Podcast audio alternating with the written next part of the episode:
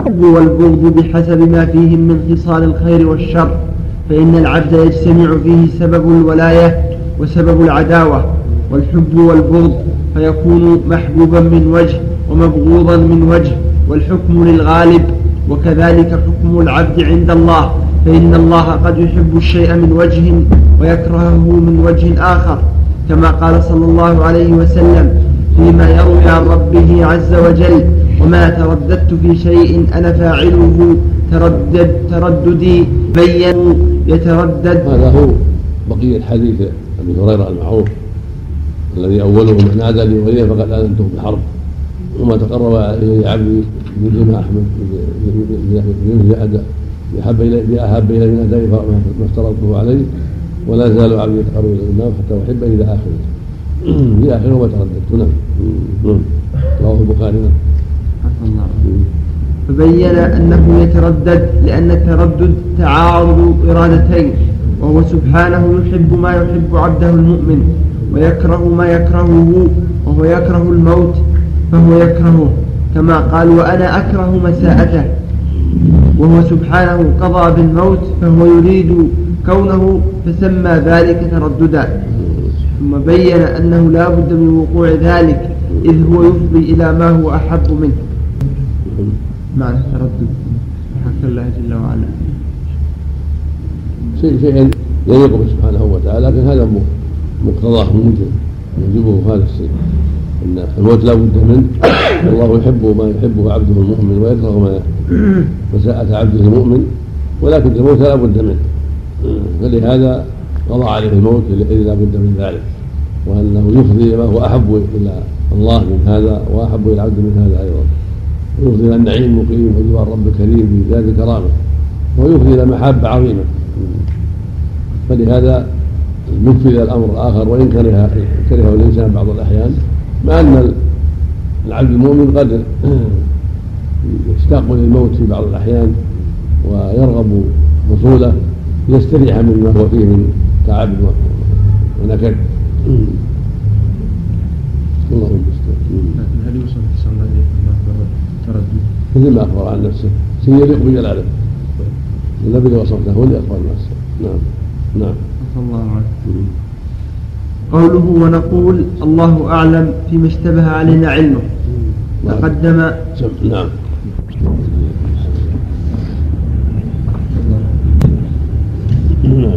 بسم الله الرحمن الرحيم. الحمد لله رب العالمين. الله وسلم على نبينا محمد وعلى آله وصحبه أجمعين.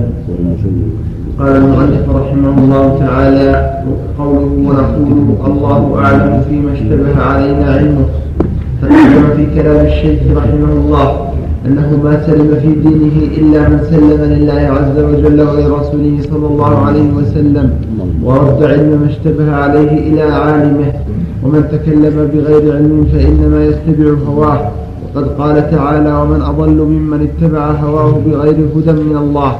وقال تعالى ومن الناس من يدل في الله بغير علم ويتبع كل شيطان مريد.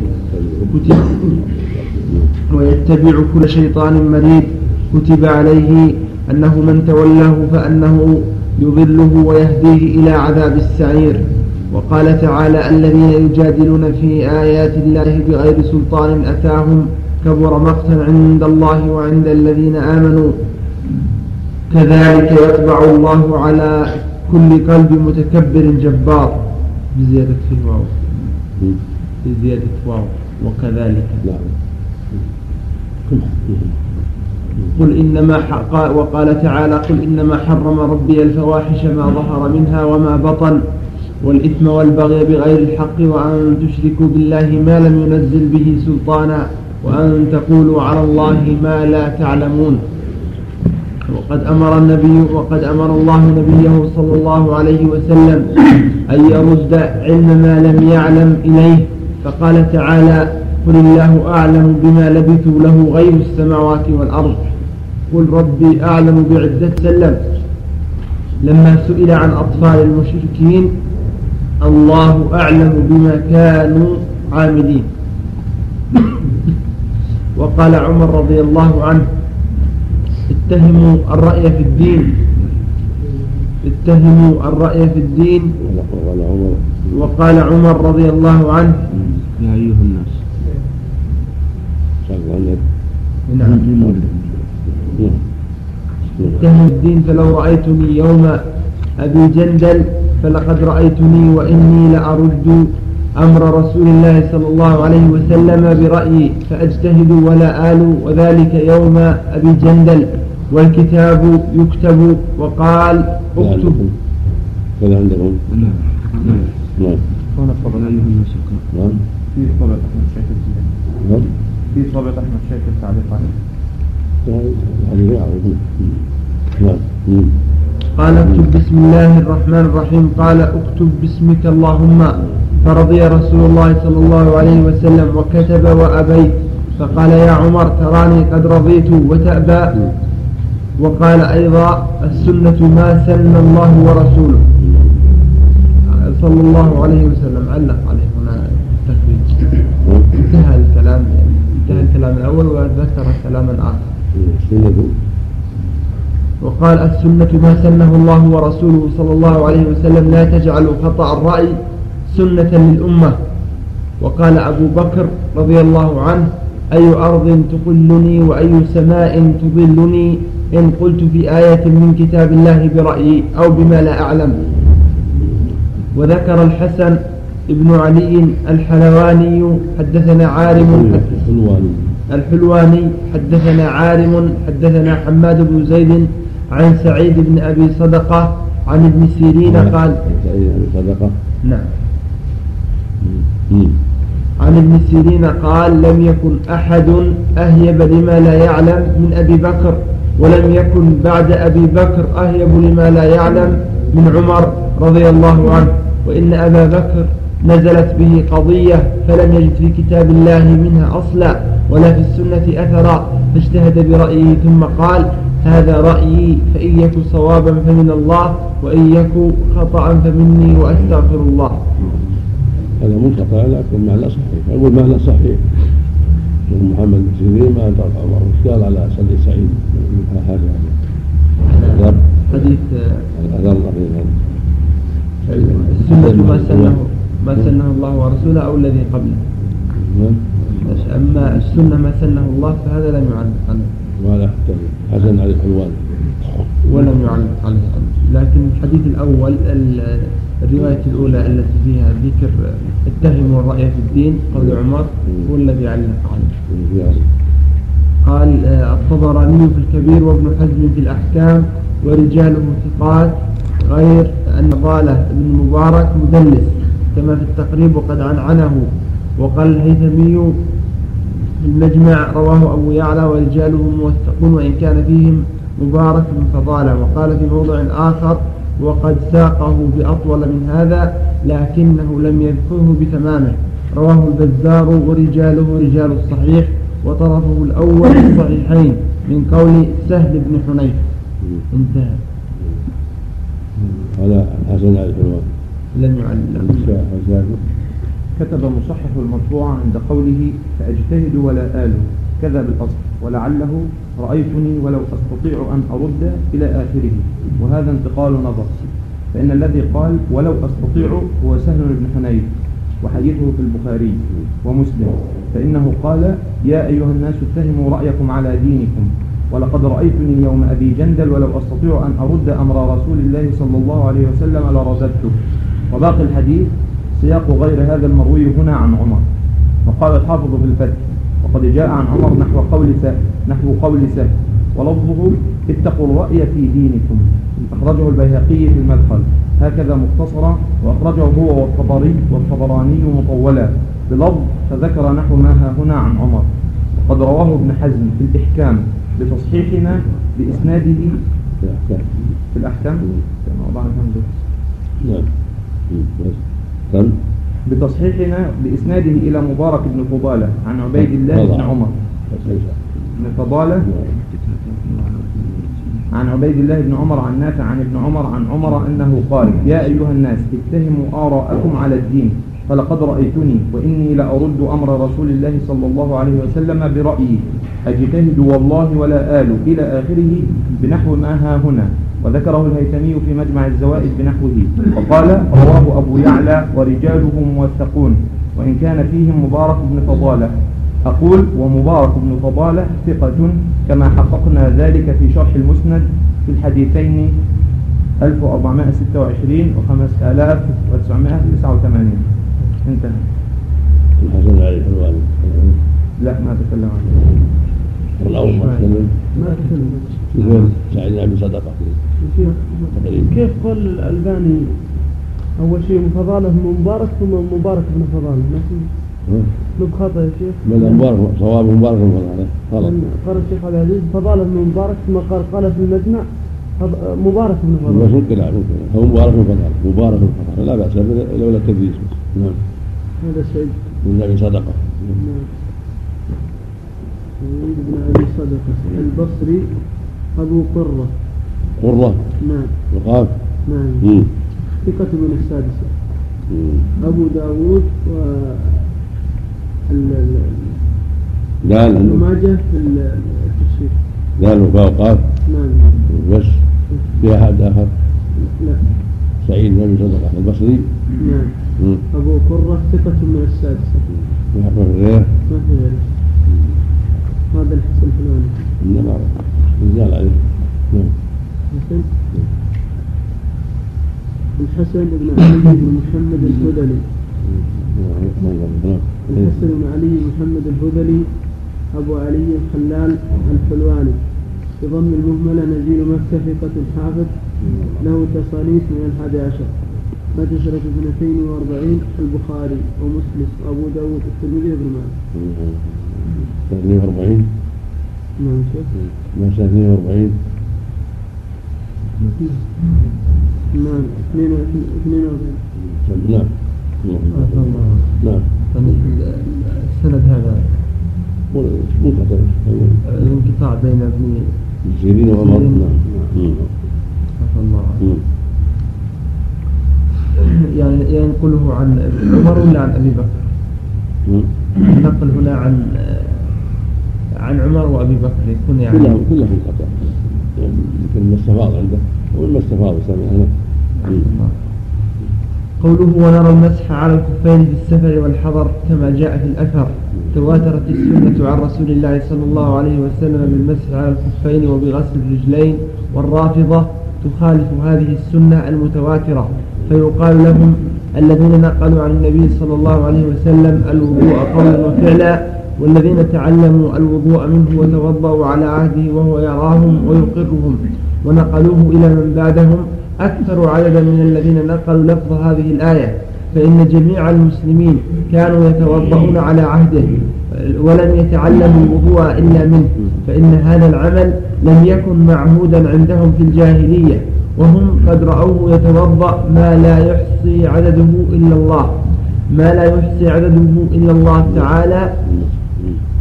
ونقلوا عنه ذكر غسل الرجلين فيما شاء الله من الحديث حتى نقلوا عنه من غير وجه في كتب الصحيح في كتب الصحيح وغيرها أنه قال ويل للأعقاب وبطون الأقدام من النار. ومع أن الفرض إذا كان مسح مسح ظاهر القدم كان غسل الجميع كلفة لا تدعو إليه الطباع كما تدعو الطباع إلى طلب الرياسة والمال. فلو جاز الطعن في تواتر صفة الوضوء لكان في نقل لفظ آية الوضوء أقرب إلى الجواز. وإذا قالوا لفظ الآية ثبت بالتواتر الذي لا يمكن فيه الكذب ولا الخطأ فثبوت التواتر في نقل الوضوء عنه أولى وأكمل. ولفظ الآية لا يخالف ما تواتر من السنة. فإن المسح كما يطلق ويراد به الإصابة كذلك يطلق ويراد به الإسالة. كما تقول العرب تمسحت للصلاة. وفي الآية ما يدل على أنه لم يرد بمسح الرجلين المسح الذي هو قسيم الغسل بل المسح الذي الغسل قسم منه قسم. منه. فإنه قال آه إلى الكعبين ولم يقل إلى الكعاب. كما قال إلى المرافق فدل على أنه ليس في كل رجل كعب واحد. كما في كل يد مرفق واحد بل في كل رجل بل في كل رجل كعبان. فيكون تعالى قد أمر بالمسح إلى العظمين الناتئين وهذا هو الغسل. فإن من يمسح المسح الخاص يجعل المسح لظهور القدمين وجعل الكعبين في الآية غاية. وجعل وجعل الكعبين في الآية غاية. يرد قولهم فدعواهم أن الفرض مسح الرجلين إلى الكعبين اللذين هما مجتمع الساق والقدم عند معقد الشراك مردود بالكتاب والسنة. وفي الآية قراءتان مشهورتان النصب والخفض وتوجيه إعرابهما مبسوط في موضعه وقراءة النصب نص رؤوسكم وأرجلكم على الرؤوس عطف وأرجلكم عطف على الوجوه وهو قراءة مشهورة لأن المقصود الغسل بدل فعل النبي صلى الله عليه وسلم أنه كان يغسلهما ومن قرأ بالذر وأرجلكم فليس مراد المسح الذي هو يلبس الرأس. غسل الرجل دل على أن تغسل غسلا يسمى مسحا وهو الغسل الذي ليس فيه كثرة الماء والرافضة أحقر وأقل من المتكلم فإن الرافضة لهم من الأغلاط والمخالفة للكتاب والسنة ما لا يحصى. فليس هذا ليس هذا أول غلطهم. فأغلاطهم لا تحصى وشرهم لا يحصى. وسنة الرسول صلى الله عليه وسلم تفسر الكتاب وتبين أن الرجل تغسل إذا كانت مكشوفة صورة الخفين وما في معناهما. وتواترت الأخبار عن الرسول صلى الله عليه وسلم قولا تواترت عنه صلى الله عليه وسلم بالمسح من قوله وفعله عليه الصلاة والسلام. ولا كلام الرافضة ولا غير الرافضة ولهذا أدخلها السلف في العقائد ردا على الرافضة. نعم. من رواية الجار على مسح الكفين لا كلام في الرجل نعم. نعم. نعم وقراءة الضم. شاذة نعم. قراءة الضم. ما أعرف. قراءة الضم هو ما أعلم في قراءة الضم نعم. وفي الآية قراءتان مشهورتان النصب والخفض وتوجيه إعرابهما مبسوط في موضعه وقراءة النصب نص في وجوب الغسل لأن العطف على المحل على المحل إنما يكون إذا كان المعنى واحدا كقوله فلسنا بالجبال ولا الحديد وليس معنى مسحت برأسي ورجلي هو معنى مسحت رأسي ورجلي. بل ذكر الباء يفيد معنى زائدا على مجرد المسح وهو إلصاق شيء من الماء بالرأس فتعين العطف على قوله وأيديكم. فالسنة المتواترة تقضي على ما يفهمه بعض الناس من ظاهر القرآن فإن الرسول والصوم العطف على وجوه وجوهكم وأيديكم. أيدي معطوفة على الوجوه وهكذا الأرض معطوفة على الوجوه شيئان معطوفان على الوجوه لأنهما هو المباشران بالفعل. ثم الأيدي معطوفة عليه. نعم. لكن المعنى ما يتغير إذا. المعنى واحد لكن هو المعطوف على المعطوف المعطوف على الأصل. عفى الله عنه. فإن الرسول بين للناس لفظ القرآن ومعناه كما قال أبو عبد الرحمن السلمي حدثنا الذين كانوا يقرئوننا القرآن عثمان بن عفان وعبد, وعبد الله بن مسعود وغيرهما أنهم كانوا إذا تعلموا من النبي صلى الله عليه وسلم عشر آيات لم يجاوزوها حتى يتعلموا معناها. وفي ذكر المسح في الرجلين تنبيه على قلة الصب في الرجلين فإن السرف يعتاد فيهما كثيرا. والمسألة معروفة والكلام عليها في كتب الفروع. قوله والحج والجهاد ماضيان.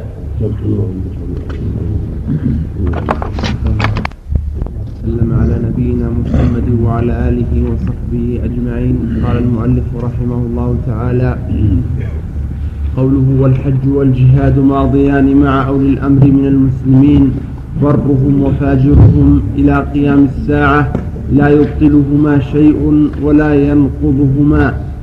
يشير الشيخ رحمه الله إلى الرد على الرافضة حيث قالوا لا جهاد في سبيل الله حتى يخرج الرضي من آل محمد وينادي مناد من السماء اتبعوه وبطلان هذا القول أظهر من أن يستدل عليه بدليل وهم شرطوا في الإمام أن يكون معصوما اشتراطا من غير دليل بل في صحيح مال بل في صحيح مسلم عن عليه وسلم يقول خيار أئمتكم الذين تحبونهم ويحبونكم وتصلون عليهم ويصلون عليكم وشرار أئمتكم الذين تبغضونهم ويبغضونكم وتلعنونهم ويلعنونكم.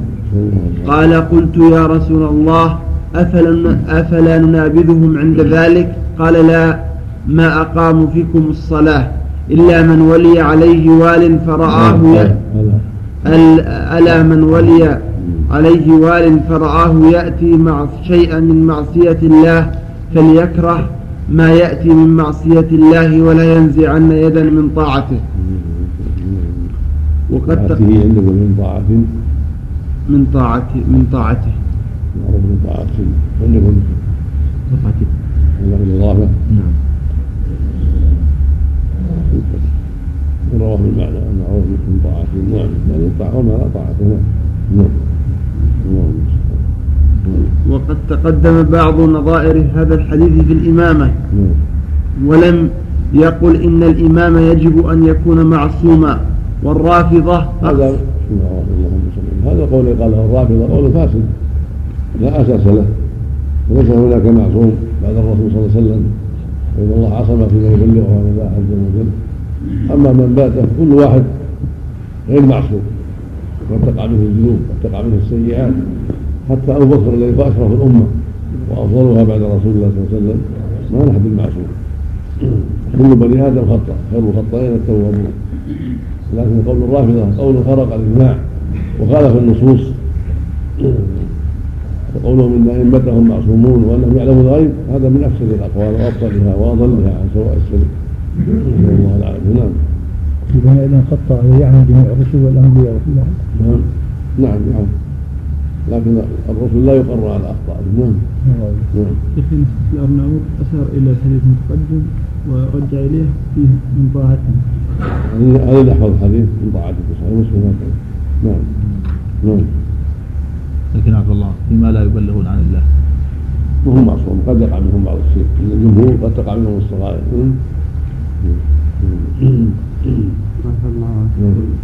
سلمك الله ما الاجتهاد حقهم يعني مثلا إنه وجب اجتهاد الباري لا والرسول صلى الله عليه وسلم عليه الله عن كلمه اذن لا لا نوع من الاخطاء نعم تقسيم هذا مو واحد كيف؟ كلها معناها الذنوب والمعاصي والسيئات والخطايا كلها معناها مخالفة لله لكنها تختلف فيها الكبائر وفيها الصغائر والرافضة أخسر الناس صفقة في هذه المسألة لأنهم جعلوا الإمام المعصوم هو الإمام المعدوم.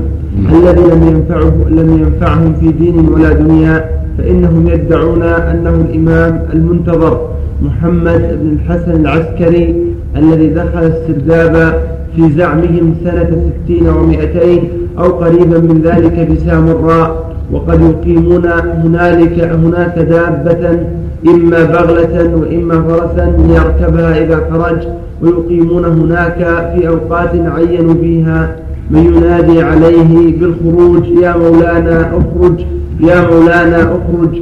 ويشهرون السلاح ولا أحد هناك يقاتلهم إلى غير ذلك من الأمور التي يضحك عليهم منها العقلاء. وقوله مع أولي الأمر برهم وفاجرهم. برهم. وفاجرهم. لأن الحج والجهاد فرضان يتعلقان بالسفر فلا بد مع من سائس يسوس الناس فيهما ويقاوم العدو. وهذا المعنى كما يحصل بالإمام البر يحصل بالإمام الفاجر. قوله ونؤمن بالكرام الكاتب المعنى في هذا أن الجهاد مع البر والفاجر يقام بأعلام الدين ويرفع بشأن الإسلام وفجره على نفسه. ما دام قام الجهاد والحج فجوره على نفسه. وإن كان الأتقاء والمؤمن خيرا للمسلم وأنفع لكن ليس في كل وقت يتوفر هذا إقامة الجهاد مع كل بر وفاجر فيه مصالح المسلمين العامة.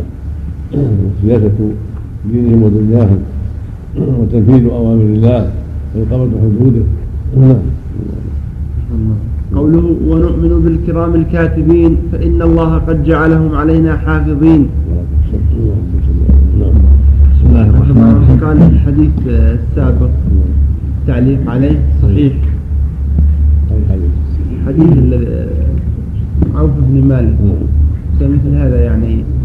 اصطلاح اصطلاح له لا مجاحة بين الاصطلاح ولا ولا عدم التعليق. ولا مثل هذا يقال نعم فرده النص في كذا في صفحه كذا في هذا البخاري كذلك لأنه مفروغ من هذا قد عرف انه صح نعم. هذا من تقعد عليه خصومه وعابوا عليه. نعم. نعم. لو ترك لكان أحسن. فيه رجل مختلف فيه مسلم ولو ولو ولو قد قد تلقي بالقبول. أو نعم. البغوي رواه البخاري ومسلم صح هكذا يقال نعم. لو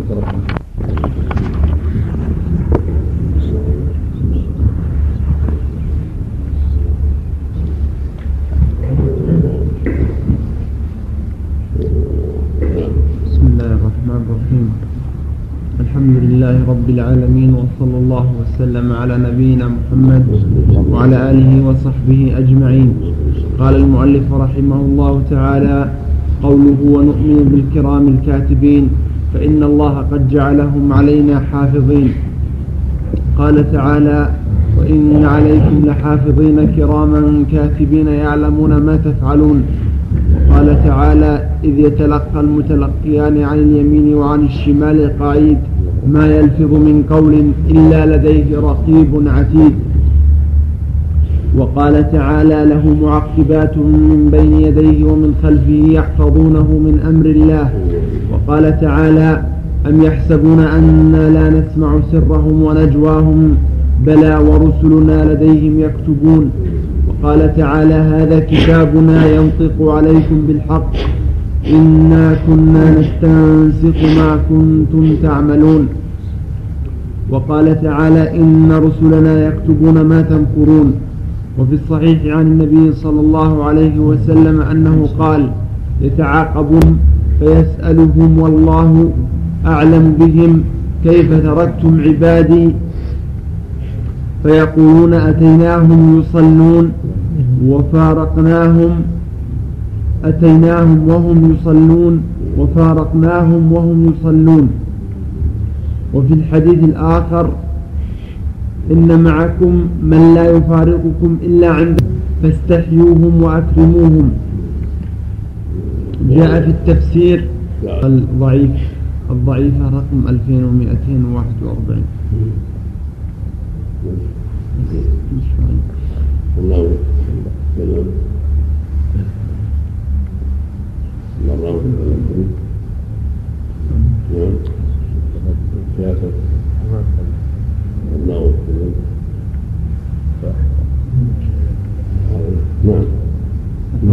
جاء في التفسير اثنان عن اليمين وعن الشمال يكتبان الأعمال صاحب اليمين يكتب الحسنات وصاحب الشمال يكتب السيئات وملكان آخران يحفظانه ويحرسانه.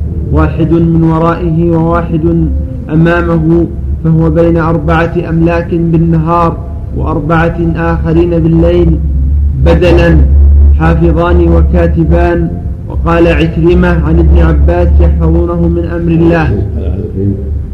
نعم معا. معا. قال ملائكة يحفظونه من بين يديه ومن خلفه. فإذا جاء قدر الله خلوا عنه. وروى مسلم والإمام أحمد عن عبد الله قال قال صلى الله عليه وسلم ما منكم من أحد إلا وقد وكل به قرينه من الجن وقرينه من الملائكة. قالوا وإياك يا رسول الله؟ قال وإياي لكن الله أعانني عليه فأسلم فلا يأمرني إلا بخير. الرواية بفتح الميم من فأسلم ومن روا ومن رواه ف فأسلموا برفع الميم فقد حرف لفظه. ومعنى فأسلم أي فاستسلم وانقاد لي في أصح القولين. ولهذا قال فلا يأمرني إلا بخير. ومن قال إن الشيطان صار مؤمنا فقد حرف معناه فإن الشيطان لا يكون مؤمنا. ومعنى يحفظونه من أمر الله. نعم. قال قال الشيخ أحمد شاكر آه، والخلاف في ضبط الميم من فأسلم خلاف قديم والراجح فيها الفتح كما قال الشارح. ولكن المعنى الذي رجحه غير راجح. قال القاضي عياض في مشارق الأنوار رويناه بالضم والفتح فمن ضم رد ذلك إلى النبي صلى الله عليه وسلم أي فأنا أسلم منه ومن فتحه رده إلى القرين أي أسلم من الإسلام وقد روي في غير هذه الأمهات فاستسلم يريد بالأمهات الموطأ والصحيحين التي بنى عليها كتابه وإن كان هذا الحديث لم يروه مالك ولا البخاري وقال النووي في شرح مسلم هما روايتان مشهورتان واختلفوا في الأرجح منهما فقال الخطابي الصحيح المختار الرفع ورجح القاضي ابن حبان فإنه روى الحديث في صحيحه وجزم برواية فتح الميم وقال في هذا الخبر دليل على أن شيطان المصطفى صلى الله عليه وسلم أسلم حتى لم يكن يأمره إلا بخير لا أنه كان يسلم منه وإن كان كافرا. وهذا, وهذا هو الصحيح الذي ترجحه الدلائل وادعاء الشارح وادعاء الشارح أن هذا تحريف للمعنى فإن الشيطان لا يكون مؤمنا انتقال النظر فأولا أن اللفظ في الحديث قرينه من الجن لم يقل شيطانه. وثانيه وثانيا أن الجن فيهم المؤمن والكافر. والشياطين هم كفارهم فمن آمن منهم لم يسمى شيطانا. انتهى. كل هذا صحيح. نعم. أيوة نسخة الأرناؤوط موجودة الآن. نسخة السابق الله لا الحديث السابق شيء؟ نعم. أخرجه الترمذي في الأدب. باب ما جاء في الاستتار عند الجماع من حديث ابن عمر أن رسول الله صلى الله عليه وسلم قال إياكم والتعري فإن معكم من لا يفارقكم إلا عند الغائط وحين يفضي الرجل إلى أهله فاستحيوهم وأكرموهم. قال الترمذي حديث حديث حديث غريب لا نعرفه إلا من هذا الوجه يعني أنه ضعيف لأن في سنده ليث بن أبي سليم وهو سيء الحفظ. وباقي رجال الثقات وفي الباب عن بهز بن حكيم. عن أبيه عن جده قال قلت يا رسول الله عوراتنا ما ما نأتي منها وما نذر. قال أحفظ عورتك إلا من زوجتك أو ما ملكت يمينك. قال قلت يا رسول الله إذا كان القوم بعضهم في بعض قال إن قال إن استطعت ألا يرين أحد فلا يرين. قال قلت يا رسول الله إذا كان أحدنا قال الله أحق أن يستحيا منه. أخرجه أحمد.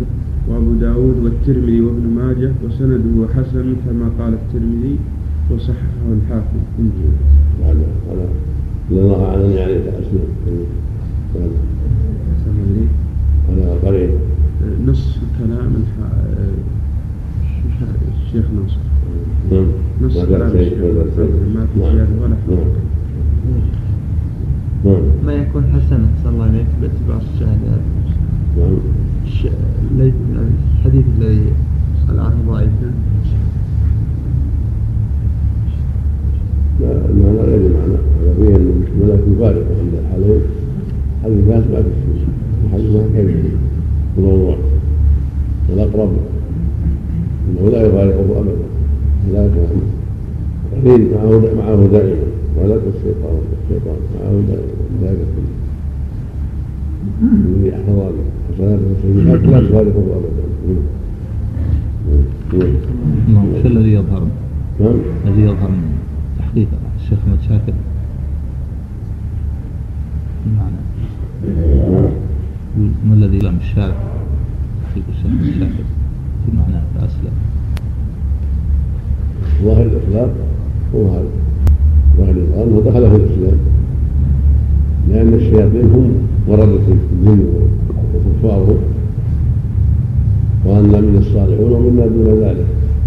الشيطان هو رأسه الأول وتتخذهم ذي اولياء من دوني وهم لكم عدو وسد الظالمين بدلا ونيته من الجن من الجن هم الشياطين. هذه الأمة.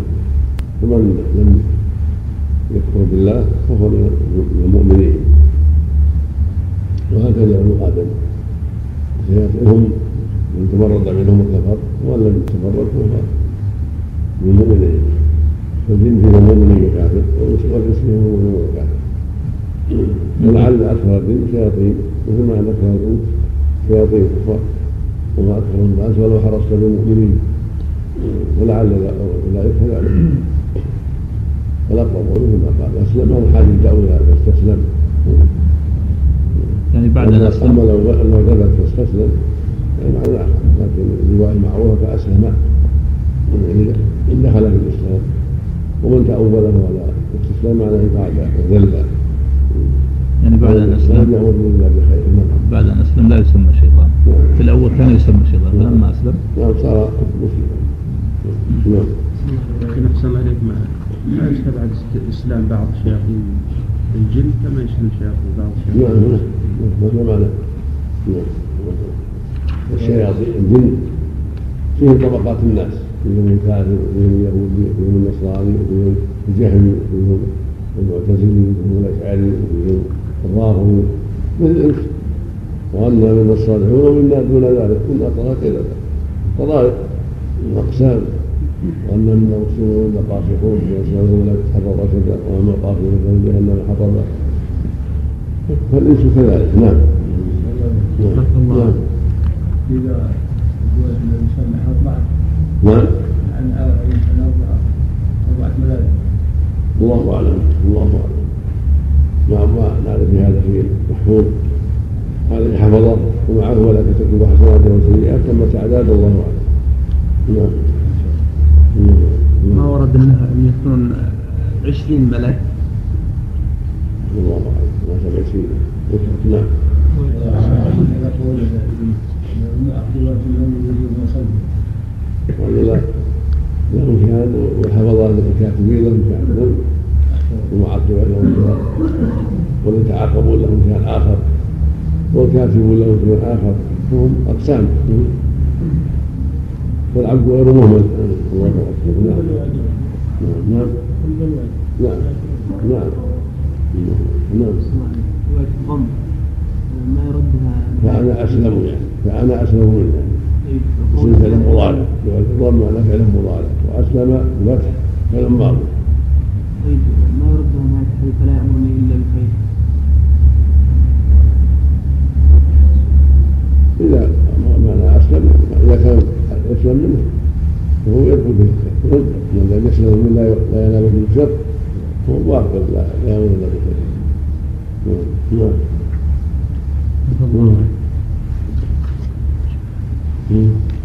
قيل قوله ومعنى يحفظونه من أمر الله قيل حفظهم له من أمر الله أي الله أمرهم بذلك يشهد لذلك قراءة من قرأ يحفظونه بأمر الله. ثم قد ثبت بالنصوص المذكورة أن الملائكة تكتب القول والفعل وكذلك النية لأنها فعل القلب فدخلت في عموم يعلمون ما تفعلون. ويشهد لذلك قوله صلى الله عليه وسلم قال الله عز وجل إذا هم عبدي بسيئة فلا تكتبوها عليه. فإن عملها فاكتبوها عليه سيئة. وإذا هم عبدي بحسنة فلم يعملها فاكتبوها له حسنة. فإن عملها فاكتبوها عشرا. وقال فقال ارقبوه فإن عمل فإن عملها فاكتبوها بمثلها. وإن تركها فاكتبوها له حسنة. إنما تركها من جراء. خرجاهما في الصحيحين. واللفظ لمسلم. قوله ونؤمن بملك الموت.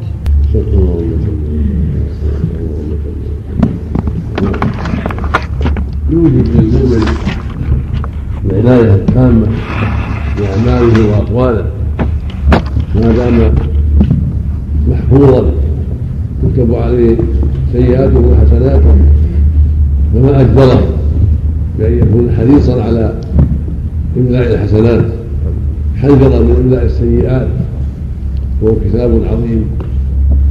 سوف يعطاه يوم القيامة ويقال اقرأ كتابك. كفى بنفسك اليوم عليك حسيبا. وما أولى المؤمن وما أحقه بأن يحذر هذه الكتابة وأن يستحي من الله ومن ملائكته أن يملي عليهم ما يغضبه سبحانه ويخالف أمره. ولا حول ولا قوة إلا بالله الله المستعان. نعم. البدع التي تكون في الجن انتشارها. نعم. تقول البدع التي تكون في الجن يعني يتلقونها عن الإنس أو عندهم مبتدعة يتلقى بعضهم عن بعض.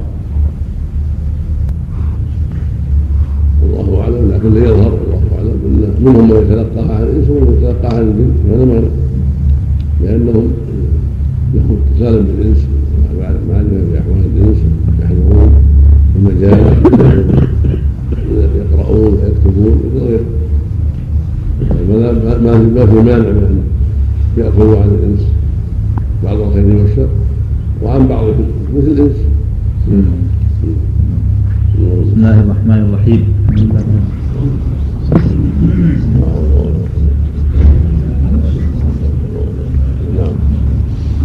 بسم الله الرحمن الرحيم الحمد لله رب العالمين وصلى الله وسلم على نبينا محمد وعلى آله وصحبه أجمعين. اللهم صل وسلم. قال المؤلف رحمه الله تعالى قوله ونؤمن بملك الموت الموكل بقبض أرواح العالمين. قال تعالى قل يتوفاكم ملك الموت الذي وكل بكم ثم إلى ربكم ترجعون. ولا تعارض هذه الآية قوله حتى إذا جاء أحدكم الموت توفته رسلنا وهم لا يفرطون.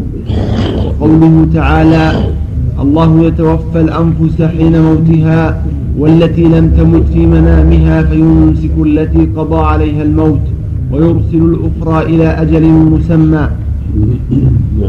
لأن ملك الموت يتولى قبضها واستخراجها ثم يأخذها منه ملائكة الرحمة أو ملائكة العذاب ويتولونها بعده كل ذلك بإذن الله وقضائه وقدره وحكمه.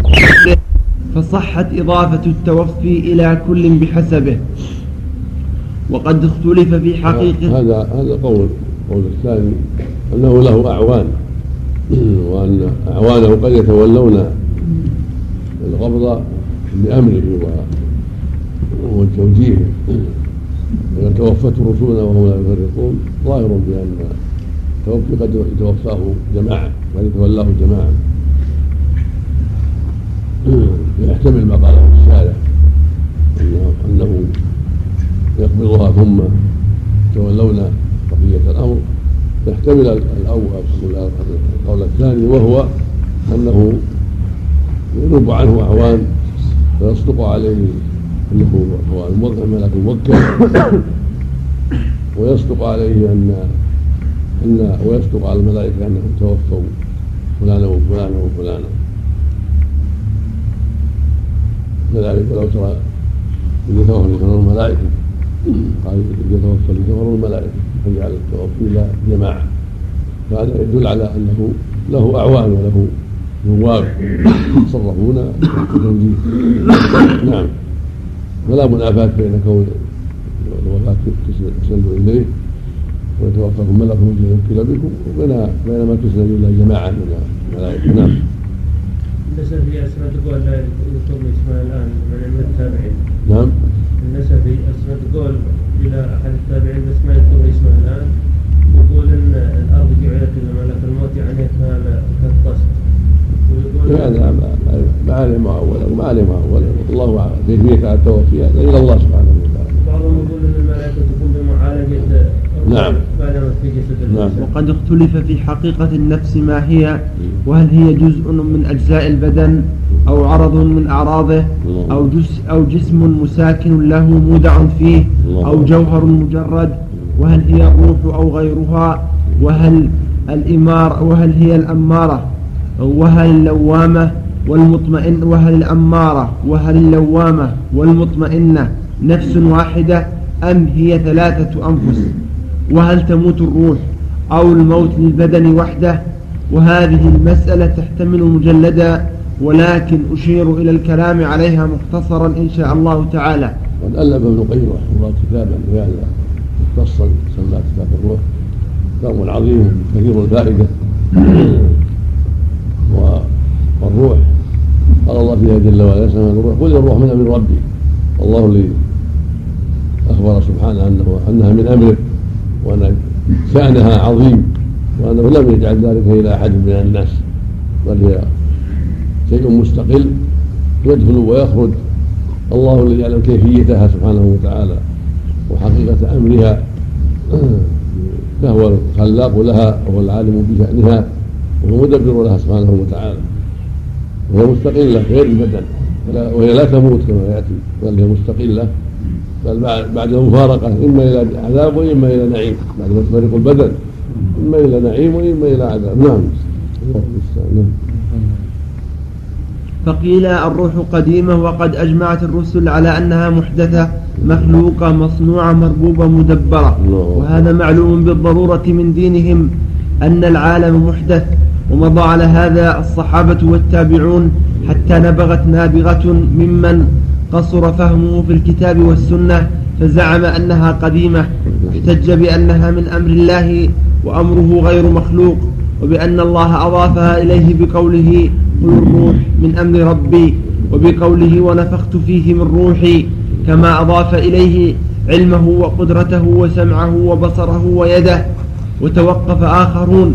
واتفق أهل السنة والجماعة أنها مخلوقة وممن نقل الإجماع على ذلك محمد بن نصر المروزي وابن قتيبة وغيرهما ومن الأدلة على أن الروح مخلوقة. ولا شك في هذا سبحانه الله يقول الله خالق كل شيء وعلى كل شيء وكل سبحانه وتعالى.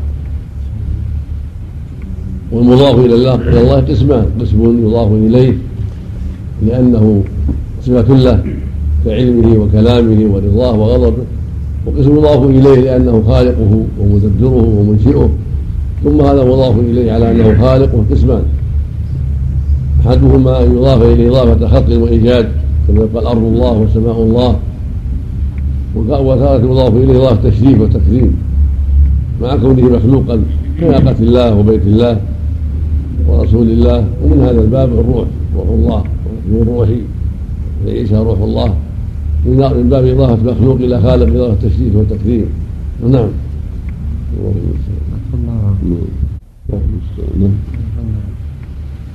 فقيل الروح قديمة وقد أجمعت الرسل على أنها محدثة مخلوقة مصنوعة مربوبة مدبرة. وهذا معلوم بالضرورة من دينهم أن العالم محدث ومضى على هذا الصحابة والتابعون حتى نبغت نابغة ممن قصر فهمه في الكتاب والسنة فزعم أنها قديمة. احتج بأنها من أمر الله وأمره غير مخلوق وبأن الله أضافها إليه بقوله قل الروح من أمر ربي وبقوله ونفخت فيه من روحي كما أضاف إليه علمه وقدرته وسمعه وبصره ويده. وتوقف آخرون واتفق أهل السنة والجماعة أنها مخلوقة وممن نقل الإجماع على ذلك محمد بن نصر المروزي وابن قتيبة وغيرهما ومن الأدلة على أن الروح مخلوقة. ولا شك في هذا قوله سبحانه الله يقول الله خالق كل شيء وعلى كل شيء وكل سبحانه وتعالى. والمضاف إلى الله إلى الله قسمان قسم يضاف إليه لأنه صفة له كعلمه وكلامه ورضاه وغضبه وقسم يضاف إليه لأنه خالقه ومدبره ومنشئه. ثم هذا مضاف إليه على أنه خالق قسمان أحدهما أن يضاف إليه إضافة خلق وإيجاد كما يقال أرض الله وسماء الله. وتارة يضاف إليه إضافة تشريف وتكريم. مع كونه مخلوقا كناقة الله وبيت الله ورسول الله. ومن هذا الباب الروح روح الله من روحي. عيسى روح الله. من باب إضافة مخلوق إلى خالق إضافة تشريف وتكريم. نعم. ومن الأدلة على أن الروح مخلوقة قوله تعالى الله خالق كل شيء فهذا عام لا تخصيص فيه بوجه ما ولا يدخل في ذلك صفات الله تعالى فإنها داخلة في مسمى اسمه فالله تعالى هو الإله الموصوف بصفات الكمال فعلمه وقدرته وحياته وسمعه وبصره وجميع صفاته داخل في مسمى اسمه. فهو سبحانه بذاته وصفاته الخالق وما سواه مخلوق ومعلوم قطعا أن الروح ليست هي الله ولا صفة من صفاته وإنما هي من مصنوعاته ومنها قوله تعالى هل أتى على هل أتى على الإنسان حين من الدهر لم يكن شيئا مذكورا؟ وقوله تعالى لزكريا وقد خلقتك من قبل ولم تك شيئا. والإنسان اسم لروحه. يعم, يعم روحه وجسده.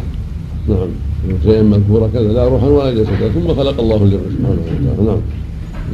نعم. والإنسان اسم لروحه وجسده والخطاب لزكريا لروحه وبدنه. والروح توصف بالوفاة والقبض والإمساك والإرسال. وهذا شأن المخلوق المحدث. وأما احتجاجهم بقوله من أمر ربي فليس المراد هنا بالأمر الطلب بل المراد به المأمور والمصدر يذكر ويراد به اسم المفعول وهذا معلوم مشهور. وأما استدلالهم بإضافتها إلى إليه بقوله من روحي فينبغي أن يعلم أن المضاف إلى الله تعالى نوعان صفات لا تقوم بأنفسها كالعلم والقدرة والكلام والسمع والبصر فهذه إضافة صفة إلى الموصوف بها فعلمه وكلامه وقدرته وحياته صفات له وكذلك وجهه ويده سبحانه والثاني إضافة أعيان منفصلة عنه كالبيت والناقة والعبد والرسول والروح فهذه إضافة مخلوق إلى خالقه لكن إضافة تقتضي تخصيصا وتشريف. لكن إضافة. لكن إضافة تقتضي تخصيصا وتشريفا يتميز بها المضاف عن غيره. واختلف في الروح. هل هي مخلوقة قبل الجسد أم بعده؟ قد تقدم عند ذكر الميثاق الإشارة إلى ذلك. واختلف في الروح. ما هي فقيل هي جسم وقيل هي عرض. وقيل لا ندري ما الروح أجوهر أم عرض؟ وقيل ليس الروح شيئا أكثر من اعتدال الطبائع الأربع. وقيل الدم الصافي الخالص من الكدرة والعفونات وقيل هي الحرارة الغريزية وهي الحياة. وقيل هي جوهر بسيط منبث في العالم كله من الحيوان. على جهة الإعمال له والتدبير وهي على ما وصفت من الانبساط في العالم غير غير منقسمة الذات والبنية وأنها في كل حيوان العالم بمعنى واحد لا غير. وقيل النفس هي النسيم الداخل والخارج بالتنفس وقيل غير ذلك. وللناس في مسمى. تقدم منها شيء مستقل ذات مستقلة كما قال أهل العلم في السنة والجماعة تدخل وتخرج تصرف ولها شأنها بأمر ربها سبحانه وتعالى لكن كيفيتها الله الذي يعلمها سبحانه وتعالى. نعم. الله الله أكبر. نعم. الله وللناس في مسمى الإنسان هل, هل هو الروح فقط أو البدن فقط أو مجموعهما أو كل منهما؟ وهذه الأقوال الأربعة لهم في كلامه. هل هو اللفظ أو المعنى فقط أو هما أو كل منهما؟ فالخلاف بينهم في الناطق ونطقه والحق أن الإنسان اسم لهما وقد يطلق على أحدهما بقرينة وكذا الكلام. والذي يدل عليه الكتاب والسنة وإجماع الصحابة وأدلة العقل أن النفس جسم مخالف بالماهية لهذا الجسم المحسوس وهو جسم نوراني علوي. نوراني. نعم علوي. خفيف حي متحرك ينفذ في جوهر الأعضاء ويسري فيها سريان الماء في الورد وسريان الدهن في الزيتون والنار في الفحم. فما دامت هذه الأعضاء صالحة لقبول الآثار الفائضة عليها من هذا الجسم اللطيف بقي ذلك الجسم اللطيف ساريا في هذه الأعضاء وأفادها هذه الآثار من الحس والحركة الإرادية. وإذا فسدت هذه بسبب استيلاء الأخلاط الغليظة عليها وخرجت عن قبول تلك الآثار فارق الروح البدن وانفصل إلى عالم الأرواح.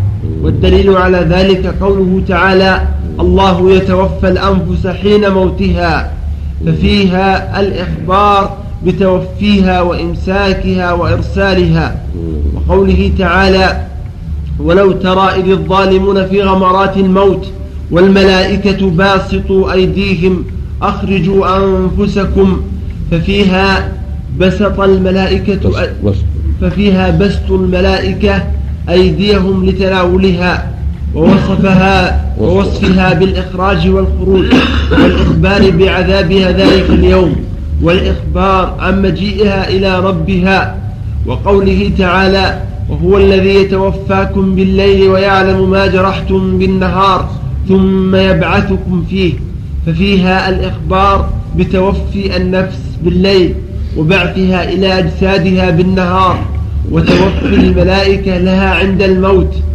وقوله تعالى يا أيها, يا أيها النفس المطمئنة ارجعي إلى ربك راضية مرضية فادخلي في عيها ففيها وصفها بالرجوع وصفها بالرجوع والدخول والرضا. وقال صلى الله عليه وسلم إن الروح إذا قبض تبعه, تبعه البصر. ففيه قصة في أبي سلمة رواه مسلم. والغالب فيها التذكير الروح إذا قبض قد تؤنث ولكن الغالب فيها التذكير نعم كالنفس مؤنثة نعم. ففيه وصفه بالقبض وأن البصر يراه. وقال صلى الله عليه وسلم في حديث في حديث بلال قبض أرواحكم وردها عليكم. وقال صلى الله عليه وسلم نسمة المؤمن طائر يعلق في شجر الجنة. وقال صلى الله عليه وسلم نسمة المؤمن نسمة. المؤمن طائر يعلق يعلق يعلق. يعلق في شجر الجنة. هذا رواه الإمام أحمد بإسناد جيد حديث كعب بن مالك الأنصاري. وهو حديث جيد طريق الإمام أحمد عن الشافعي عن مالك. نعم. نعم. من باب كرمة نعم. علقاء من باب كرمة أو علق يعني من باب نصر.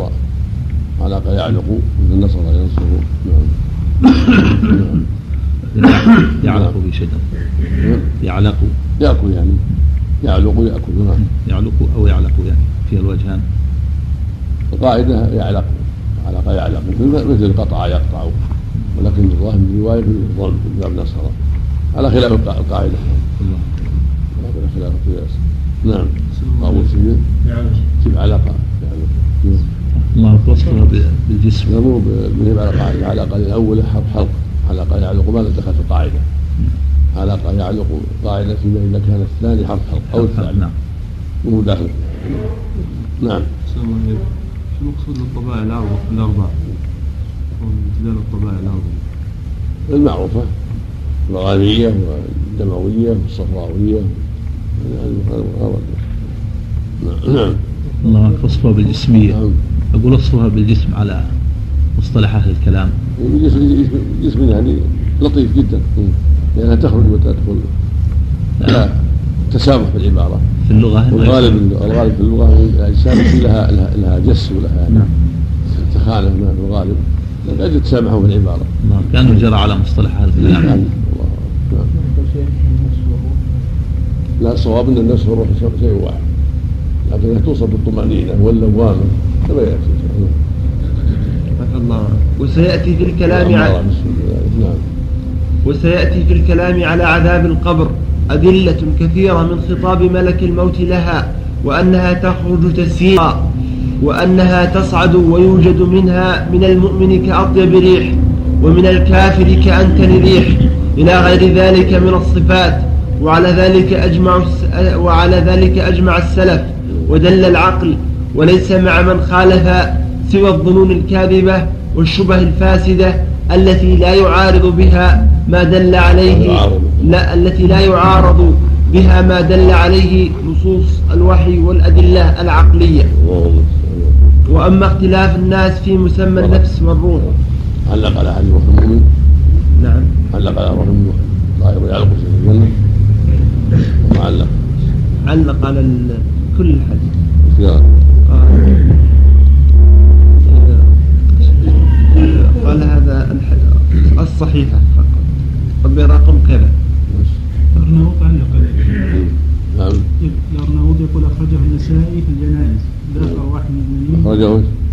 النسائي في الجنائز باب أرواح المؤمنين. وابن ماجه في الزهد باب ذكر القبر والبلاء. بلا والبلاء ومالك في الجنائز باب جامع الجنائز. نعم. ومالك في الجنائز باب جامع الجنائز. وأحمد من طريق عبد الرحمن بن كعب عن أبيه كعب بن مالك بلفظ إنما نسم إنما نسمة المؤمن طائر يعلق في شجر الجنة حتى يرجعه الله إلى جسده يرجعه. حتى يرجعه. حتى يرجعه الله. في أفصح فإن رجعك الله. نعم. يرده نعم. حتى يرجعه الله إلى جسده يوم يبعث يوم يبعثه يوم يبعثه وإسناده صحيح. صدق. صادق اليعين يعني من طريق الأئمة مع أحمد مع الشافعي عن مالك عن عبد الرحمن كعب عن أبي نعم نعم. بسم الله الرحمن ما أشار الرحيم إلى أنه أخرجه أحمد؟ ها؟ ما أشار. بل أحمد والنسائي وابن ماجه ومالك. نعم؟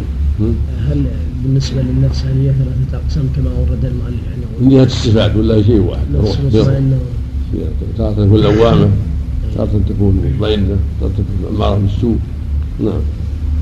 بسم الله الرحمن هذه الرحيم. أوصافها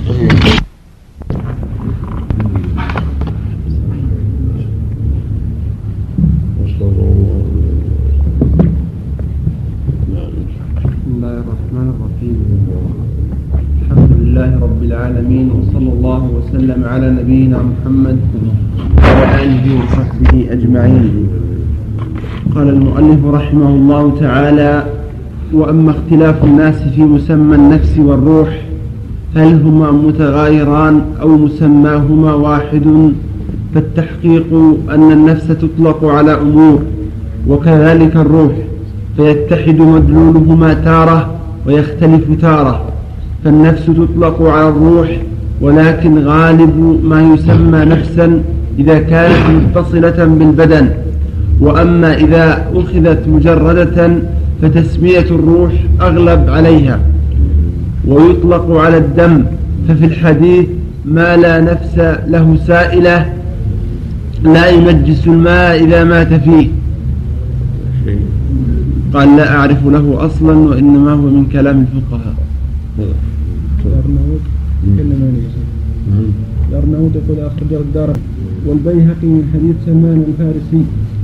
قال رسول الله صلى الله عليه وعلى آله وسلم يا سلمان كل طعام كل طعام كل كل طعام وشراب وقعت فيه دابة لها دم فماتت فيه فهو حلال أكله وشربه ووضوءه وفي سند وفي سنده مجهول وضعيف. كل طعام وشراب وقعت فيه دابة لها دم. لا دم لها عندنا لها دم. بعد فماتت فيه فهو حلال أكله وشربه. تراجع الدرجتين قال وفي سنده مجهول وضعيف. تنكر منه وهذا مشهور يقول الشاعر تسير على حد حد سيره على حد السوء نفوسنا نفوس دماؤنا. وليس على غير على غير السوء تسيل المقصود النفس تطلق على الدماء وتطلق على على عين الشيء. نفس الشيء عينه. أما ما يتعلق بالروح والنفس فهما شيء واحد فيما يتعلق بالبدن. فإنها تطلق النفس على الروح والروح على النفس. وروح الإنسان هي نفسه. النفس مؤنثة والروح الغالب مذكرة وتطلق النفس على نفس الدم وعلى عين الشيء. وعلى أشياء أخرى. وهكذا الروح تطلق على نفس النفس التي هي روح الإنسان تطلق على أشياء أخرى. من تسمية الملك؟ جبرائيل الروح. ومن تسمية القرآن؟ روح. والوحي روح. لما فيه يحصل من الحياة؟ كل شيء يحصل به الحياة؟ يسمى روح. نعم. والنفس العين. يقال أصابت فلان أصابت فلانا نفس أي عين والنفس الذات. فسلموا على أنفسكم لا تقتلوا أنفسكم ونحو ذلك. وأما الروح فلا يطلق على البدن. لا. مشترك وأما الروح فلا يطلق على البدن لا بانفراده ولا مع النفس. وتطلق الروح على القرآن وعلى جبرائيل. وكذلك أوحينا إليك روحا من أمرنا نزل به الروح الأمين. ويطلق الروح على الهواء المتردد في بدن الإنسان أيضا. وأما ما يؤيد الله به أولياءه فهي روح أخرى كما قال تعالى أولئك كتب في قلوبه كتب في قلوبهم الإيمان وأيدهم بروح منه. وكذلك القوى التي هي عناد معنى القوة الشيء الذي يحصل به الثبات من قوة القلب قوة الغيرة قوة البصيرة إلى غير ذلك. نعم. وكذلك القوى التي في البدن فإنها أيضا تسمى أرواحا فيقال الروح الباصر والروح السامع والروح الشام. ويطلق الروح على أخص من هذا كله وهو قوة المعرفة بالله والإنابة إليه ومحبته وانبعاث الهمة إلى طلبه وإرادته. ونسبة هذا الروح إلى الروح كنسبة الروح إلى البدن. فالعلم روح والإحسان روح والمحبة روح والتوكل روح والصدق روح والناس متفاوتون في هذه الروح. فمن الناس من تغلب عليه هذه الأرواح فيصير روحانيا روحانيا ومنهم من يفقدها أو أكثرها فيصير أرضيا بهيميا وقد وقع في كلام كثير آه، من من الناس أن لابن آدم ثلاثة أنفس مطمئنة ولوامة وأمارة. قالوا وإن منهم من تغلب عليه هذه ومنهم من تغلب عليه هذه كما قال تعالى يا أيها النفس المطمئنة ولا أقسم بالنفس اللوامة إن النفس لأمارة بالسوء. والتحقيق أنها نفس واحدة لها صفات فهي أمارة بالسوء. إذا عارضها الإيمان صارت لوامة تفعل الذنب ثم تلوم صاحبها وتلوم بين الفعل والترك. وتلوم بين الفعل والترك فإذا قوي الإيمان صارت مطمئنة. ولهذا قال النبي صلى الله عليه وسلم من سرته حسنته وساءته سيئته فهو مؤمن. مع قوله لا يزني الزاني حين يزني وهو مؤمن. الحديث.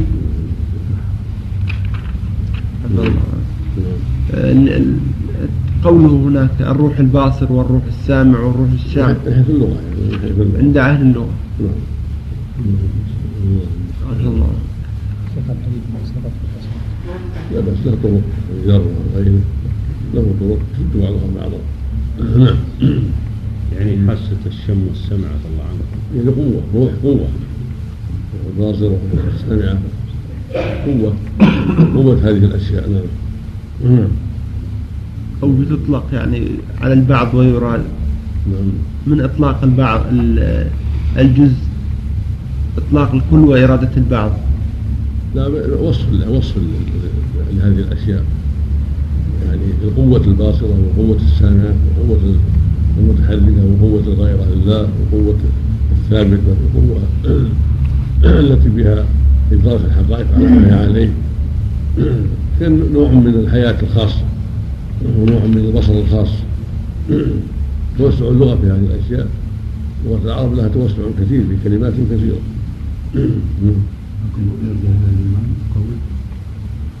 نوع نوع من هذا. نعم. الله. واختلف الناس هل تموت الروح أم لا؟ فقالت طائفة تموت لأنها نفس وكل نفس ذائقة الموت. وقد قال تعالى كل من عليها فان ويبقى وجه ربك ذو الجلال والإكرام.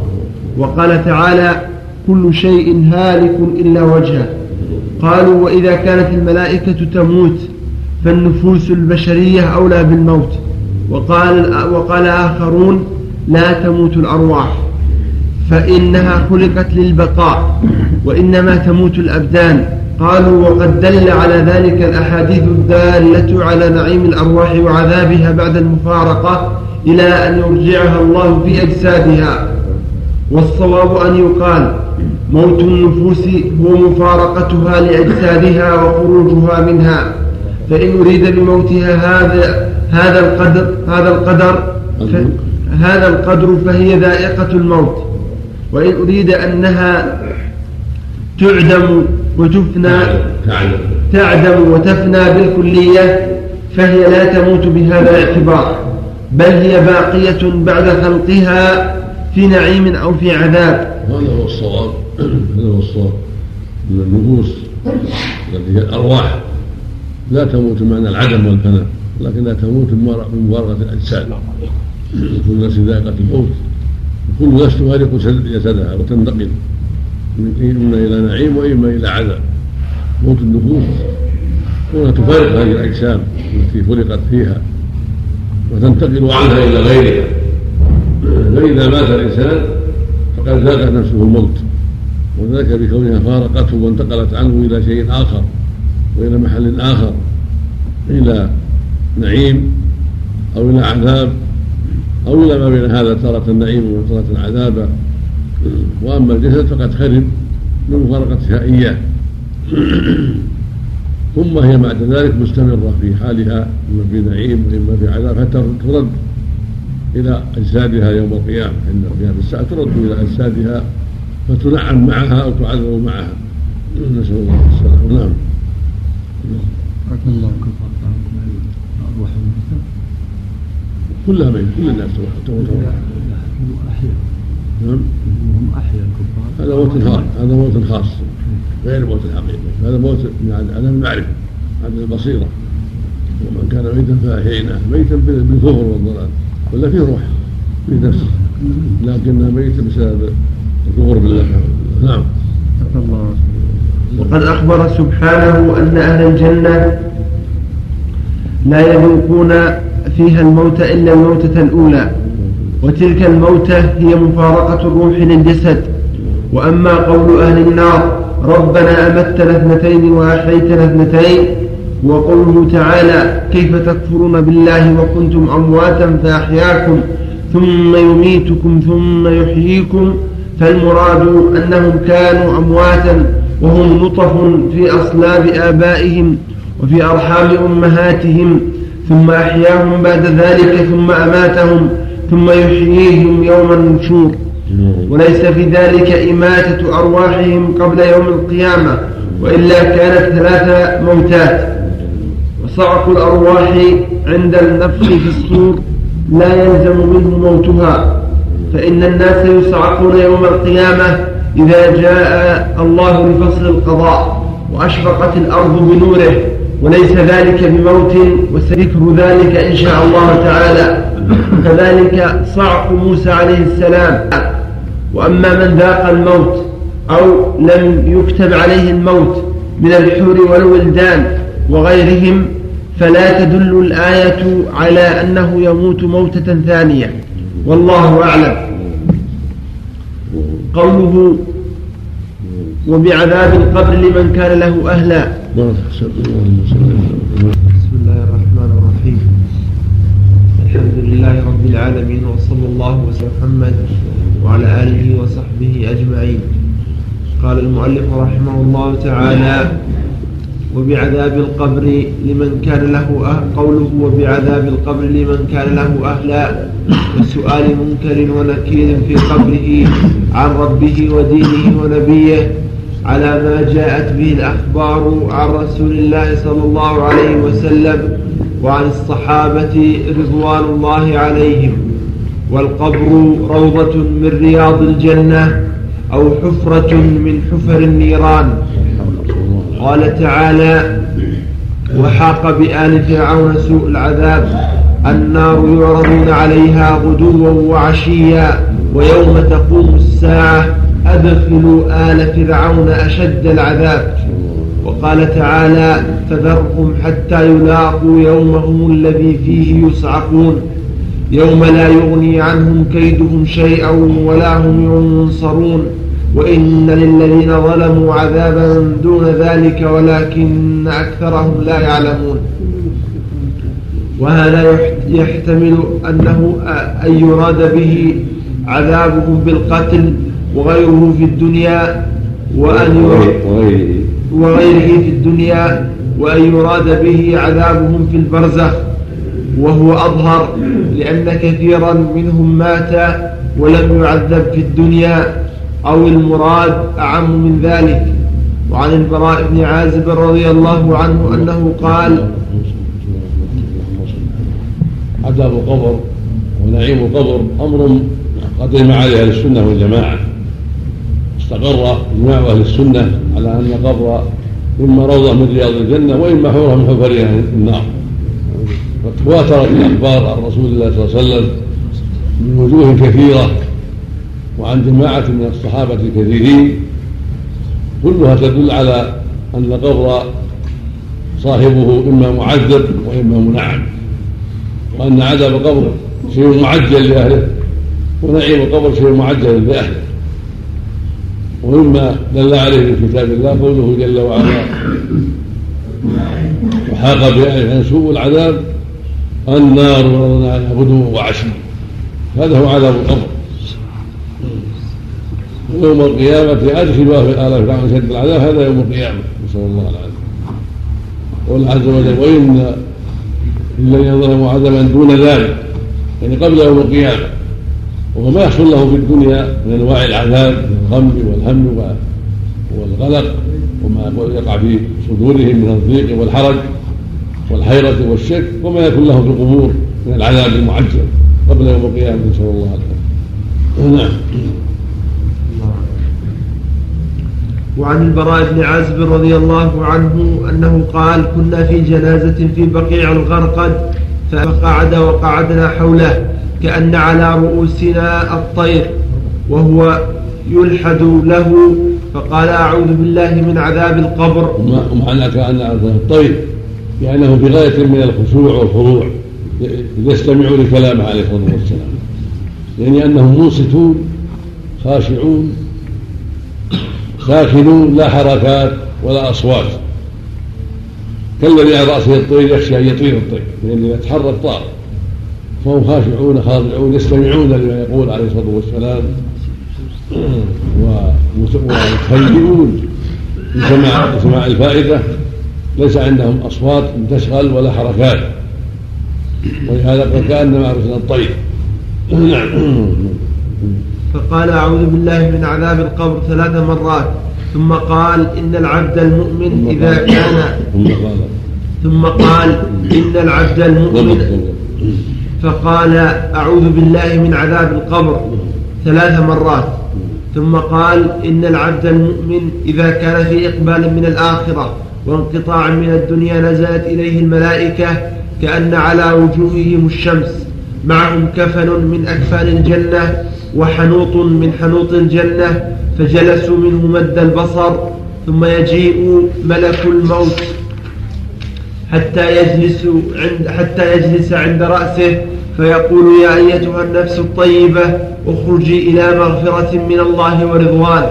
قال فتخرج تسيل كما تسيل القطرة من في السقاء فيأخذها فإذا أخذها لم يدعوها في يده طرفة عين حتى يأخذوها فيجعلوها في ذلك الكفن وذلك الحنوط ويخرج الحنوط هو الطيب. الحنوط هو الطيب. يعني في كفن يكون فيه الطيب. الذي لا يعلم مدى حسنه وطيبه إلا الذي خلق سبحانه وتعالى. نعم.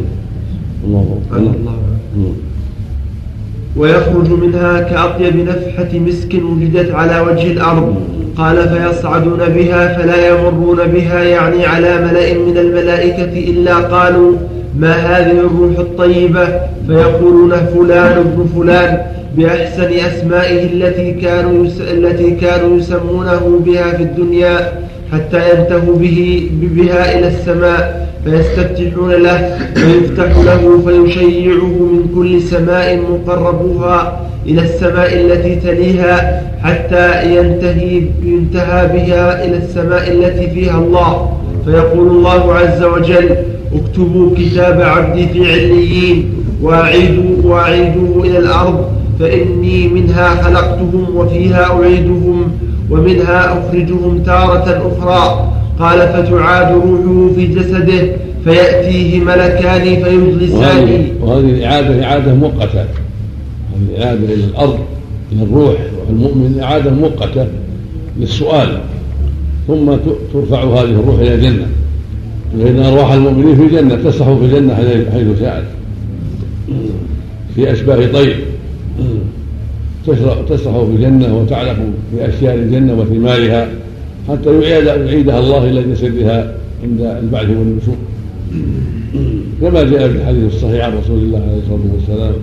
من حديث كعب بن مالك الأنصاري وأما أرواح الشهداء كلها أجساد يخلق الله لها أجسادا من طير الخضر تحمل هذه الأرواح تصح بها في الجنة حيث شاءت ثم تأوي إلى قناديل معلقة تحت العرش هذا شأنها حتى يردها الله إلى أجسادها يوم القيامة. فيأتيه ملكان فيجلسانه فيقولان له من ربك فيقول ربي الله فيقولان له ما, ما دينك فيقول دين الإسلام فيقولان له ما هذا الرجل الذي بعث فيكم فيقول هو رسول الله فيقولان له ما علمك فيقول قرأت كتاب الله فآمنت به وصدقت. فينادي مناد من السماء أن صدق عبدي فأفرشه من الجنة وافتحوا له بابا إلى الجنة. قال فيأتيه من روحها وطيبها من روحها وطيبها ويفسح له في قبره مد البصر. قال ويأتيه رجل حسن الوجه حسن الثياب طيب الرائحة فيقول أبشر بالذي يسرك هذا يومك الذي كنت توعد. فيقول له من أنت؟ فوجهك الوجه الذي يجيء بالخير. فيقول أنا عملك الصالح. فيقول يا ربي أقم الساعة حتى أرجع إلى أهلي ومالي. قال وإن العبد الكافر إذا كان في انقطاع من الدنيا وإقبال من الآخرة نزل إليه من السماء ملائكة سود الوجوه معهم المسوح فيجلسون منه مد البصر. ثم يجيء ملك الموت حتى يجلس عند رأسه فيقول أيتها النفس الخبيثة اخرجي إلى سخط من الله وغضب. قال فتتفرق في جسده فينتزعها كما ينتزع السكفود من الصوف المبلول. فيأخذها فإذا أخذها لم يدعوها في يده طرفة عين حتى يجعلوها في تلك المسوح. ويخرج منها كأنتن ريح خبيثة وجدت على وجه الأرض فيصعدون بها فلا يمرون بها على ملأ من الملائكة إلا قالوا ما هذا الروح الخبيث؟ فيقولون هذا فلان بن فلان بأقبح أسمائه التي كانوا يسمونه بها في الدنيا حتى ينتهي بها إلى السماء الدنيا. حتى ينتهى بها إلى السماء الدنيا فيستفتح له فلا يفتح له. ثم قرأ رسول الله صلى الله عليه وسلم لا تفتح لهم أبواب السماء ولا يدخلون الجنة حتى يلج الجمل في سم الخياط. فيقول الله عز وجل اكتبوا كتابه في سجين في الأرض السفلى فتطرح روحه طرحا. ثم قرأ ومن يشرك بالله فكأنما خر من السماء فتخطفه الطير أو تهوي به الريح في مكان سحيق. فتعاد روحه في جسده ويأتيه ملكان فيجلسانه فيقولان له من ربك؟ فيقول هاه هاه لا أدري. فيقولان له ما هذا الرجل الذي بعث فيكم؟ فيقول ها ها لا أدري. فينادي مناد من السماء أن كذب فأفرشوه من النار وافتحوا له بابا إلى النار فيأتيه من حرها وسمومها ويضيق عليه قبره حتى تختلف أضلاعه ويأتيه رجل قبيح الوجه قبيح الثياب منتن الريح فيقول أبشر بالذي يسوءك هذا يومك الذي كنت توعد فيقول من أنت؟ فوجهك الذي يجيء بالشر فيقول أنا عملك الخبيث فيقول رب لا تقم الساعة. رواه الإمام أحمد وأبو داود وروى النسائي وابن ماجه أوله ورواه الحاكم وأبو عوانة الإسفرائيني في صحيحهما وابن حبان. الله الله وذهب إلى موجب هذا الحديث موجب هذا الحديث جميع أهل السنة والحديث وله شواهد من الصحيح. فذكر البخاري رحمه الله عن سعيد عن قتادة عن أنس أن رسول الله صلى الله عليه وسلم قال إن العبد إذا وضع في قبره وتولى عنه أصحابه إنه لا يسمع قرع نعالهم فيأتيه ملكان فيقعدانه فيقولان له ما كنت تقول في هذا الرجل محمد صلى الله عليه وسلم. فأما المؤمن فيقول أشهد أنه عبد الله ورسوله. فيقول له انظر اق إلى مقعدك من النار أبدلك الله به مقعدا من الجنة فيراهما جميعا. قال قتادة وروي لنا أنه يفسح له في قبره وذكر الحديث. وفي الصحيحين عن ابن عباس رضي الله عنهما أن النبي صلى الله عليه وسلم مر بقبرين فقال إنهما لا يعذبان وما يعذبان في كبير. أما أحدهما فكان لا يستبرئ من البول وأما الآخر فكان يمشي بالنميمة فدعا بجريدة رطبة فشقها نصفين. علق هذه إحدى الروايات والمعروف في الرواية لا يستتر من الموت إحداها لا يستنزه من الموت عندك يستبرئ نعم. عند الألاهي لا ليس عليه تعليق ال- النسخة الأخرى على الألاهي يستخفي المعروف صحيح. نعم نعم وش قالت؟ يقول أخرجه البخاري في وضوء باب من الكبائر ألا يستر ما جاء في غسل البول. في الجنائز باب الجريدة على القبر. في الأدب باب الغيبة وباب النميمة. من الكبائر. ومسلم في الطهارة باب الدليل على نجاسة البول ووجوب الاستبراء منه. لا تعرض للألفاظ لا نعم. صلى الله عليه وسلم. صلى على حديث البراء أول ما تكلم عن البراء تكلم عليه قال صحيح انظر أحكام الجنائز صفحة كذا. بس. فاعل يقول حديث صحيح أخرجه أحمد وأبو داود في السنة. باب, باب في المسألة في القبر وعذاب القبر. والنسائي في الجنائز باب, باب عذاب القبر وصححه ابن حبان والحاكم بس. انتهى. نعم. نعم. نسأل الله العافية نعم. نعم. الشهداء. الشهداء القتلى في سبيل الله القتلى نعم. القتلى خاصة. نعم. القتلى خاصة. نعم. شيخ أحسن الله إليك. نعم. وفي بالنسبة للمؤمنين قال يوجد كفلا من الجنة. والكافرين قال نوع الدعوة. معنى معنى لكنه مسوح خبيثة نعم. أتكلم عن المسوح أنه قاموس عندك؟ في المسح نعم. الله المستعان حديث أنس يا شيخ. عن في القلب. وإن العبد الكافر إذا كان في انقطاع من الدنيا وإقبال من العباره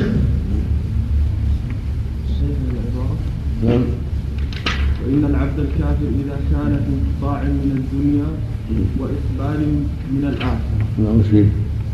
مستقيم. كلهم والمؤمن. المؤمن والكافر كذلك. يطاع من الدنيا وإقبال من الآخرة. كلاهما. لكن هذا إلى الجنة وهذا إلى النار نسأل الله. كلها آخرة. نعم. نعم. وفي صحيح أبي حاتم عن أبي هريرة قال النبي صلى الله عليه وسلم إذا قبر أحدكم أو الإنسان أتاه ملكان أسودان أزرقان يقال لأحدهما المنكر وللآخر النكير. وفي صحيح أبي حاتم عن أبي هريرة قال قال النبي صلى الله عليه وسلم إذا قبر أحدكم أسودان أزرقان. يقال لأحدهما المنكر وللآخر النكير وذكر الحديث إلى آخره. عليه نعم. قال حسن أخرجه الترمذي أيضا وقال حديث حسن غريب. قلت وإسناده حسن وفيه رد على من أنكر من المعاصرين تسمية الملكين بالمنكر والنكير وهو مخرج في الصحيحة. رقم 101 ما يبقى يقول حديث حسن أخرجه الترمذي في الجنائز. باب ما جاء في عذاب القبر وحسنه. وصححه ابن حبان. ولفظه بتمامه وذكر ولفظه ولفظه ولفظه بتمامه ذكر الحديث. أقرأ الحديث شيخ. ابن حبان. إي نعم نعم وش ولفظه بتمامه إذا قبر الميت أتاه ملكان أسودان أزرقان. يقال لأحدهما المنكر وللآخر النكير فيقولان ما كنت تقول في هذا الرجل محمد. فيقول ما كان يقول هو عبد الله ورسوله أشهد أن لا إله إلا الله وأن محمدا عبده ورسوله. فيقولان قد كنا نعلم أنك تقول هذا ثم يفسح له في قبره سبعون ذراعا في سبعين ثم ينور له فيه ثم يقال له نم فيقول أرجع إلى أهلي فأخبرهم. فيقولان نم كنومة العروس نعم. نم كنومة العروس الذي لا يوقظه إلا أحب إلا أحب أهله إليه. حتى يبعث حتى يبعثه الله من مضجعه ذلك. وإن كان منافق وإن كان منافقا قال سمعت الناس يقولون فقلت مثله لا أدري. فيقولون فيقولون التئمي عليه فتلتئم عليه فتختلف فيها فتختلف فيها أضلاعه فلا يزال فيها معذبا حتى يبعثه الله من مضجعه ذلك. اللهم نسأل الله العافية. نعم. نعم. الراحة غير غير الشهداء المؤمنين. في الجنة تصرفه في الجنة حيث شاء. نعم. الله نعم الله تعالى وإن الذين ظلموا عذابا دون ذلك. هذا شامل يشمل عذاب الدنيا؟ ويشمل عذاب القبر نعم. يشمل ما أصابهم من القتل والأسر. نعم يشمل يشمل. نسأل الله العافية بعضهم قد يموت ما قتل ولا شيء. نعم. ويناله عذاب القبر نسأل الله العافية. نعم. المسح الله نعم. المسح إيه. المسح كالمنع إمرار اليد على الشيء السائل أو المتلطف بإذهابه كالتمسيح والتمسح. والقول الحسن ممن يخدعك به كالتمسيح والمشط والقطع. وأن يخلق الله الشيء مباركا أو ملعونا ضد. والكذب كالتمساح بالفتح. والضرب والجماع والذرع. كالمساحة بالكسر وأن تسير الإبل يومها وأن تتعبها وتدبرها وترسلها كالتمسيح وبالكسر البلاس والجادة جمعه مسوح وبالكسر البلاس والجادة. البلاس؟ نعم. جمعه مسوح وبالتحريك احتراق باطن الركبة بخشونة الثوب أو اصطكاك الركبتين والنعت أمسح ومسحا والمسيح عيسى صلى الله عليه وسلم لبركته. وذكرت في اشتقاقه خمسين قولا في شرحه لمشارق الأنوار وغيره. والدجال لشؤمه أو هو كسكين. والقطعة من الفضة والعرق والصديق والدرهم الأطلس والممسوح بمثل الدهن وبالبركة كالمسيح كسكين. والكثير الجماع كالماسح والممسوح الوجه والمنديل الأخشن والكذاب كالماسح والممسح والتمسح بكسر أولهما والتمسح بكسر أولهما والمسحاء الأرض المستوية ذات حصن صغار والأرض الرسحاء والأرض الحمراء والمرأة لا أقمص لها والتي ما لثدييها حجم والعوراء والبخاء التي لا تكون عينها ملوزة والسيارة في سياحتها والكذابة وتماسحا تصادقا أو تبايعا فتصافقا وماسحا لا ينا في القول غشا والتمسح المال الخبيث والمداهن والتمساح وهو خلق كالسلحفاة ضخم يكون بنيل مصر وبنهر نهران والمسيحة الدعاء والقوس جمعه مسائح وواد قرب مر الظهران وعليه مسحة من جمال أو هزال شيء منه. وللمسحة جرير بن عبد الله البجلي والمسوح الذهاب في الأرض وتل ماسح موضع لقن سرين. وامتسح السيف استله والممسوح بالضم كل خشبة طويلة بالسفينة وهو يتمسح به أي يتبرك به من فضله. وفلان يتمسح أي لا شيء معه كأنه يمسح ذراعيه. انتهى. ما تعرض شيء. ما تعرض راجع عن من غريب الحديث. ابن الاثير وجماع البحار. نعم. المقصود لها أشياء يعني تشفي الكفن لكنها أشياء خبيثة إما من أشياء فيها نار وفيها اذى يؤذيه لانها ضد ضد ما يتابع المؤمن. نسأل الله العافية. نعم. في البلاسم والنصف والنصف البلاسم نعم. في البلاسم كان عفى الله كان أكفان سود. نعم. يقال كأنها أكفان سود.